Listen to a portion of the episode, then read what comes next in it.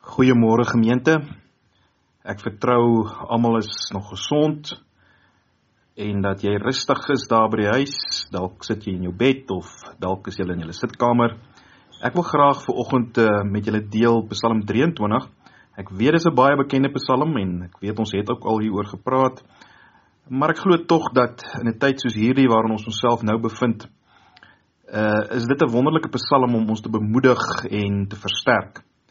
Ons weet die psalms is eintlik uh soos die ou Puriteine dit genoem het, die medisyne kassie van die Christen.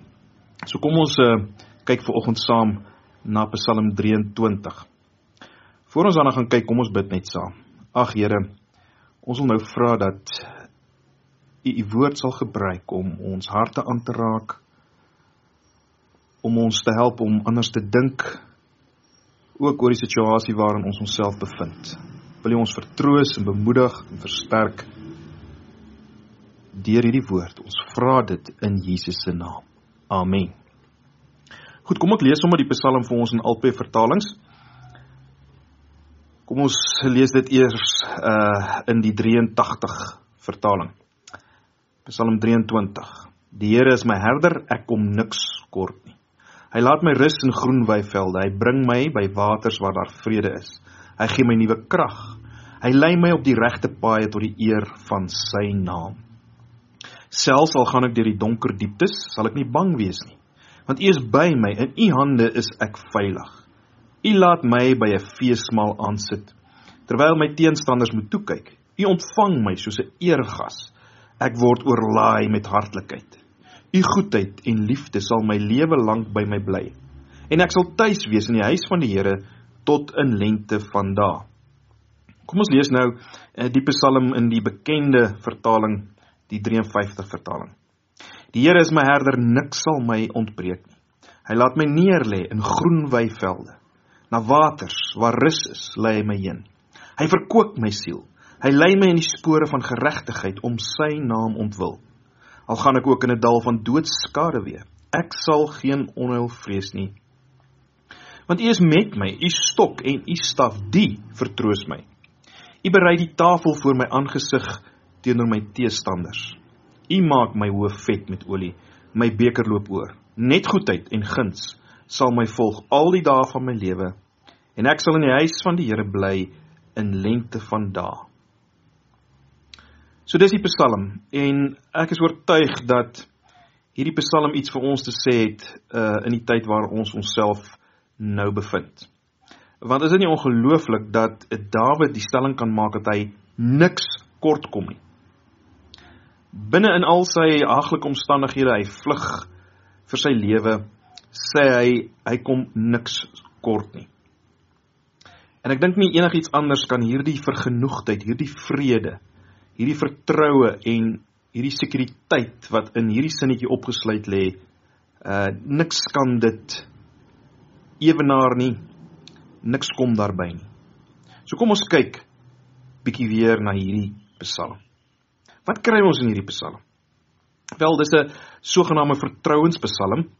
Met ander woorde is 'n uitdrukking van persoonlike vertroue, van kinderlike opregte geloof en dit maak 'n reuse praktiese verskil in die lewens van hierdie psalmis. Wat betref die struktuur van die psalm is daar verskeie menings. Sommige sien dit as 'n uh, een onderliggende beeld in die hele Psalm, naamlik die van 'n herder, terwyl ander ook die beeld van die Here as gasheer onderskei in die laaste verse. So ek dink tog 'n mens kan twee beelde onderskei hier. Vers 1 tot 4 die Here as herder en uh, dan vers 5 tot 6 die Here as gasheer. Uh daai verwagting van toekomstige danksegging in God se huis. So kom ons volstaan daarby en ons kyk na hierdie Psalm. nou in vers 1 kry ons 'n verrassende godsbeeld. Ek dink ons mis dit dikwels want ons ken die Psalm so goed. Onthou nou, uh, Dawid leef voor die menswording van God. Hy, hy hy leef voor die uitstorting van die Heilige Gees. Uh nou wat is so verrassend? Wel 'n mens mis dit juis omrede ons nie bekend is met die lewenstyl en die werk van 'n Midde-Oosterse herder nie. Ons omgang met plaasdiere, selfs die van boere, is maar redelik klinies en op afstand. 'n Herder se lewe het gedraai om sy skape. persoonlike kontak met sy skape. Hy was in die oggend by sy skape en hy was steeds in die aand ook by sy skape. Hy was besig met niks anders as sy skape. Hy moet sorg dat hierdie skape in 'n goeie kondisie bly, dat hulle nie iets oorkom nie, dat hulle nie wegraak nie. Hy was van die oggend tot die aand in alle weeromstandighede by sy skape. Natuurlik was daar ook nog 'n ontsettende belangrike aspek wat bygekom het by die herder in Israel, né? Hierdie skape moes 'n uh, moes in 'n baie goeie kondisie bly want hulle is gebruik as offerdiere. Maar dit is belangrik om te sien dat God nie hier beskryf word as 'n ver, onpersoonlike, kliniese eerste oorsaak God nie. Die psalmis gaan so ver om te sê dat hierdie God sy herder is. En daarom kan hy ook in vertroue sê niks sal my ontbreek nie. Ek sal niks kort kom nie. Ek sal op die ou end alles wat nodig is hê, selfs al gebeur wat ook al met my. Ek kan volkome vertrou op God se voorsiening, sy versorging en sy leiding. O ja, met my as skaap kan daar baie dinge gebeur. Maar niks kan verander aan die feit dat die Here, die God van die hemel en aarde, my herder is nie. Nou dis 'n geweldige uitspraak nie waar nie. En en let op, uh dis nie sommer net 'n oppervlakkige gevoelsuitspraak nie. Dis baie deeglik gegrond op God se openbaring van homself in die verlede. Hierdie metafoor van herder uh om die verhouding van God met sy mense aan te dui, kry ons al in Genesis.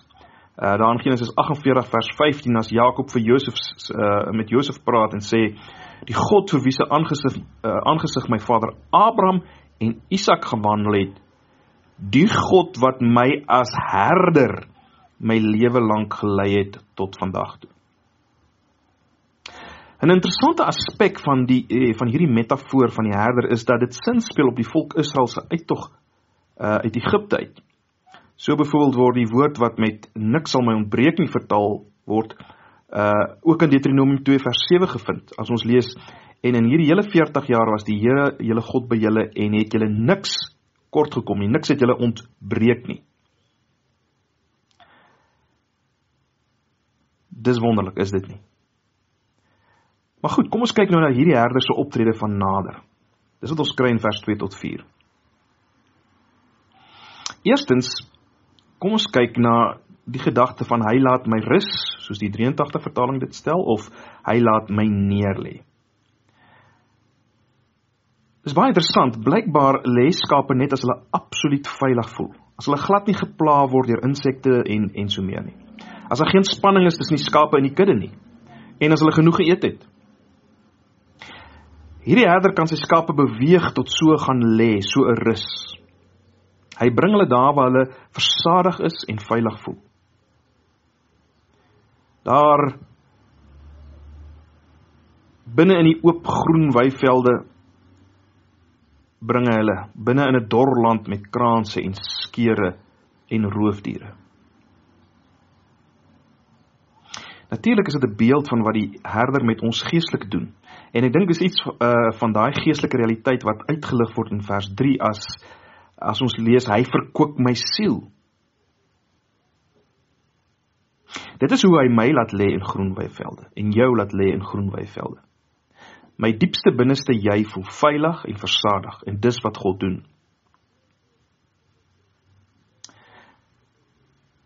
Die psalmis sê hy bring my by waters waar daar vrede is of na waters waar rus is, lei hy my heen. Hierdie herder alleen weet waar is water wat drinkbaar is en waar is dit veilig om te drink en hy bring sy skape daarheen. Weereens uh hier word iets van die geestelike uitgebeeld die ewebeeld, die geestelike ewebeeld daarvan uitgebeeld in vers Hoe lei die Here my na waters waar rus is? Wel, hy lei my in die spore van geregtigheid. Hy bring my op die regte pad. Uh sê die 83 vertaling, maar dis vir my 'n bietjie 'n verskraling van hierdie betekenis van geregtigheid hier. Uh geregtigheid dui op in die regte verhouding wees. So hy bring my in die regte verhouding met hom en met ander. Dis wat hy doen. Die klimaks in vers 2 tot 3 is hierdie frase om sy naam ontwil tot eer van sy naam. Die herder doen al hierdie dinge vir sy skape omrede hy 'n slegte reputasie kan kry as hy dit nie doen nie. Maar God die herder tree ook op ter wille van sy reputasie en sy eer. In Psalm 110 of althans ekskuus 106 vers 8 word dieselfde frase gebruik om te wys waarom God die volk uh, uit Egipte gelei het. Ons lees daar hy het hulle gered ter wille van die eer van sy naam en om sy mag bekend te maak. Dis die rede vir al God se verlossingsdade. In ons verlossing gaan dit om God se eer en reputasie, om sy naam. Weereens uh dis waarom ek en jy kan seker wees van ons finale verlossing. God het in homself in die geskiedenis bewys uh of laat ek dit so stel, God het homself in die geskiedenis bewys as getroue herder en daarom kan hy vertrou word. Hy is 'n God van beloftes. En hy het homself keer op keer en deur en deur bewys as die een wat getrou bly aan sy beloftes. Kom ons kyk na die gedagte van die dal van dood skaduwee. Hierdie vertroue op die Herder se versorging en leiding hou stand ook in die ergste denkbare omstandighede.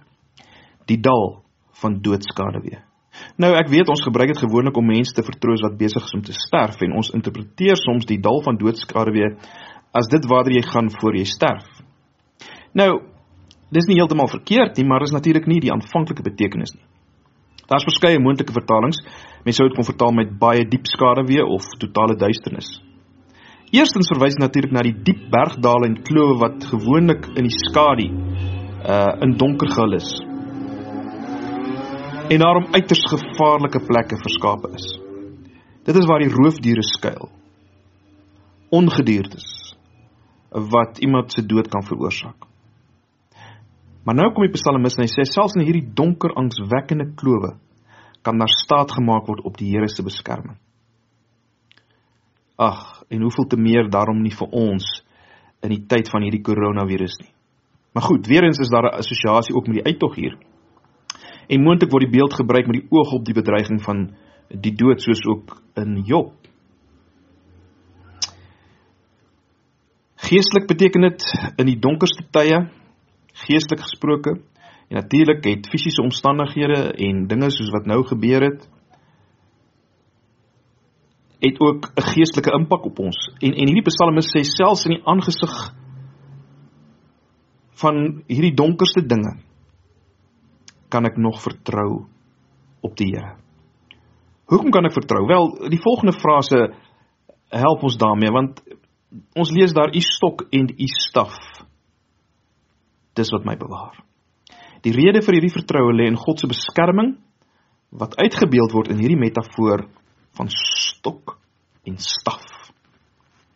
Die Palestynse herder het blykbaar twee hulpmiddels gehad. Hy het so 'n stok of knippel gehad om wilde diere af te weer en dan ook 'n staf om die skape te lei en te beheer. Skape wat wegdwaal word nader getrek. As hulle giftige plante wil eet, word die staf soms letterlik na hulle gegooi Maar baie interessant ook word dit gebruik om hulle liggame te ondersoek en hulle te tel. Esegiel 20 vers 37 in die 53 vertaling uh gebruik hierdie gedagte as daar staan ek sal julle onder die herderstaf laat deurgaan. Die 1983 vertaling interpreteer dit ek dink korrek as daar staan ek sal vasstel of julle almal daar is. So die herder gebruik die staf ook om te kyk dat al die skape wel is en of almal daar is. Jy sien dit is hierdie intieme noue kontak, hierdie beskerming, hierdie sorg van God wat vertroue skep. Jy sien dit is nie my dade of my geloof as sodanig nie. Geloof is altyd ons reaksie op God se dade, sy almag, sy getrouheid, sy heerlikheid. Kom ons kyk nou kortliks na God die gasheer in vers 5 en 6. Vanaf vers 5 is daar 'n verskywing in hierdie beeldspraak. Die beeld van 'n gasheer uh of 'n uh, huidige en toekomstige feesmaal van danksegging kom hier aan die orde. Daar is natuurlik weer eens 'n moontlike teruggryp na die Exodus gebeure as daar verwys word na die tafel. Uh, Julle kan maar self Psalm 78 vers 19 gaan lees. Maar goed, in vers 5 tot 6 gee die belewinge van die verlede en die belewenis van die huidige seëninge aanleiding tot vertroue in die goedheid van God vir die toekoms. Jy sien as hy dit in die verlede gedoen het, dan is goeie rede om te glo hy sal dit in die toekoms doen. Vers 5a lyk of dit gaan oor die toekoms as daar gepraat word oor 'n feesmaal, 'n banket wat nog in die in die vooruitsig gestel gaan word ten spyte van teenstanders. En in vers 5b gaan dit oor die psalmis se huidige belewenis. Beelde wat hier gebruik word gaan saam met 'n banket van destyds, nê. Nee. Mense dink aan die salwing wat voor die banket geplaas gevind het, 'n beker wat vol is wat oorloop. Wat wat is die simboliese betekenis daarvan? Wel, 'n feesmaal was die viering van God se beskerming en voorsiening. Die psalmis se beker loop oor uh, en dis 'n verwysing na sy ervaring van God se oorvloedige seën. Hy dank die Here daarvoor. Hy gaan die toekoms met vertroue in. God het vir hom onderneem en laat bo uitkom ten spyte van sy teenstanders. So God sal dit ook in die toekoms doen. Kyk net na vers 6. Letterlik sou mense kon vertaal met goedheid en guns sal my agtervolg al die dae van my lewe. Dit word gestel teenoor die vyande wat hom agtervolg om hom te ontroon en te vernietig. Iemand anders gaan hom ook agtervolg. God se goedheid en sy guns sal sal hom agtervolg. Dis interessant, nie waar nie? En hierdie agtervolging van God met goedheid en guns en barmhartigheid beweeg Dawid tot danksegging. Danksegging gaan sy lewe kenmerk. Daar's nog baie geleenthede wees waar hy gaan na die tempel of hy dat uh, waar hy na die tempel sal gaan om sy om sy dank aan God te betoon. Maar nou wil ek hê ons moet kyk na vers 4. Ek het doelbewus vers 4 tot nou toe uitgelaat. Dis die kern van die Psalm. Dis geweldig interessant. In die middel, presies in die middel. 26 Hebreëse woorde aan die een kant en 26 Hebreëse woorde aan die ander kant kry ons ki ata imadi, want u is met my of u is by my. Hoekom is dit veelzeggend? Onthou uit watter perspektief word die Psalm geskryf? Uit die perspektief van 'n skaap. So die skaap sê, die Herder is met my. Hy's een met my. Nou, julle weet uh, wat sien ons in die Nuwe Testament? Jesus word Matteus 1 vers 21 genoem Immanuel, God met ons. En ons weet in Johannes 10 noem Jesus homself die goeie herder. Maar Jesus is natuurlik ook die seun van Dawid. Hy is God se finale koning Dawid. Die Dawid wat in Psalm 23 die skaap is. En nog meer fascinerend is die feit dat hierdie Jesus, die groot goeie herder, in die boek Openbaring geteken word as die lam. 'n skaap wat uiteindelik geslag word. sien jy dat Psalm 23 vir ons as Nuwe Testamentiese mense, nuwe verbondsmense nog meer veelzeggend is? Die herder het 'n lam geword. Die herder ruil plekke om met die lam. Die een wat ewige lewe het, het gegaan deur die dal van dood skade weer. Die vyande sal sy kop met bespotting en 'n doringkroon salf. Hy word deur God verlaat. Jesus gaan as te ware onder die omgekeerde van Psalm 23 deur vir ons, vir ons die skape. En dit is hierdie lam wat nou ons herder is. Is dit nie fascinerend nie? Luister 'n bietjie na uh Openbaring 7 vers 17 as jy dalk dink ek vat dit te ver. Luister na Openbaring 7 vers 17. Want die lam wat in die middel van die troon is, sal hulle herder wees en hulle sal na die fonteine met die water van die lewe lei. En God sal al die trane van hulle oë afdroog. Kom ons bring dit net nader aan ons eie lyf. Die groot punt vanoggend is dit: wie Jesus as herder het deur die geloof, kan dieselfde vertroue hê as die psalmis. En meer nog, hy wat sy lewe vir sy skape gegee het, sal uiteraard alles gee wat ons maar kan benodig, ook in hierdie tyd waarin ons osself nou bevind, hierdie tyd uh, van die coronavirus. Ander herders kan dalk bang word of laks of nalatig, maar nie die goeie herder nie. Hy het sy getrouheid reeds aan die kruis bewys. Hy verstaan my pad. Dit beteken nie 'n lewe vry van teenstanders en terugslae en virusse nie, maar dit beteken dat ons sonder vrees ons pelgrimspad kan en sal voltooi wetende dat hy ons definitief en finaal by ons volmaakte en heerlike ewige bestemming sal uitbring. Want hy lei ons onfeilbaar. Hy bewaar ons. Onthou net die Psalm is 'n uitdrukking van afhanklike vertroue in die Herder se leiding, se bewaring en versorging. Dit word vanuit die skaap se perspektief beskryf. Dis die hele tyd die skaap wat praat. My Herder, ek sal. En hierdie uitdrukking van vertroue veronderstel dis 'n bewustheid van ons nood, ons hulpeloosheid as mense wat op hom vertrou. Ek en jy as deel van die kudde het nood en behoeftes. Ons het te maak met geestelike behoeftes en fisiese behoeftes. En te midde daarvan weet ons Jesus is ons herder. En hy verskaf groen weiding. Hy self is ons voedsel, die brood van lewe. Ons ervaar fisiese en geestelike droogtes en vermoeidheid. Jesus lei ons na waters waar rus is. Hy self is die lewende water. Ons vind rus in hom. In wat hy vir ons gedoen het, ons as skape is geneig om die pas, pad byster te raak. Hy lei ons daarom in die spore van geregtigheid. Hy is ons geregtigheid. Hierdie wete laat ons ontspan en maak dit ons ook prakties geregtigheid wil najag en sy woord wil gehoorsaam na sy stem wil luister. Ons as sy skape te maak met angste en gevare soos nou. Ja, ons moet ook deur die doodstal gaan. In 'n sekere sin gaan ons dalk nou deur dit. Maar Jesus self gaan ook daardeur met ons. Hy sê niemand kan julle uit my hand trek nie. Is jy nou in 'n donker kloof? Wel, jou herder is daar en hy is volkome in staat om jou veilig deur die donkerte te bring. Vind jou vertroosting in hom. Jesus gee vir ons die lewe in oorvloed en ons beleef dit nou reeds in gemeenskap met hom ten spyte van dit waarin ons onsself nou bevind. Hierdie oorvloed is die uh hierdie oorvloed is die vrede van God wat alle verstand te bowe gaan waarvan Paulus praat. Elkeen wat aan Jesus behoort, kan volledig verseker wees van sy beskerming, sy voorsiening en sy leiding. Ja, hy sal jou veilig bring tot in jou ewige tuiste van heerlikheid. Ook te midde van en deur dit wat nou gebeur in die wêreld en hier in Suid-Afrika. Ons vind rus en sekuriteit net deur vertroue in ons Herder. Die skaap wat op sy eie insigte wil staatmaak, self wil, wil besluit waar kos is, alleen deur die klowe dwaal, Wel daai skaap sal honger uh, raak. Hy sal vrek van uitputting of hy sal deur wilde diere verskeer word. Ons kan net vrede ervaar as ons toelaat dat die goeie herder ons lei. Ek hoop julle sien dat hierdie Psalm niks te doen het met prosperity gospel nie.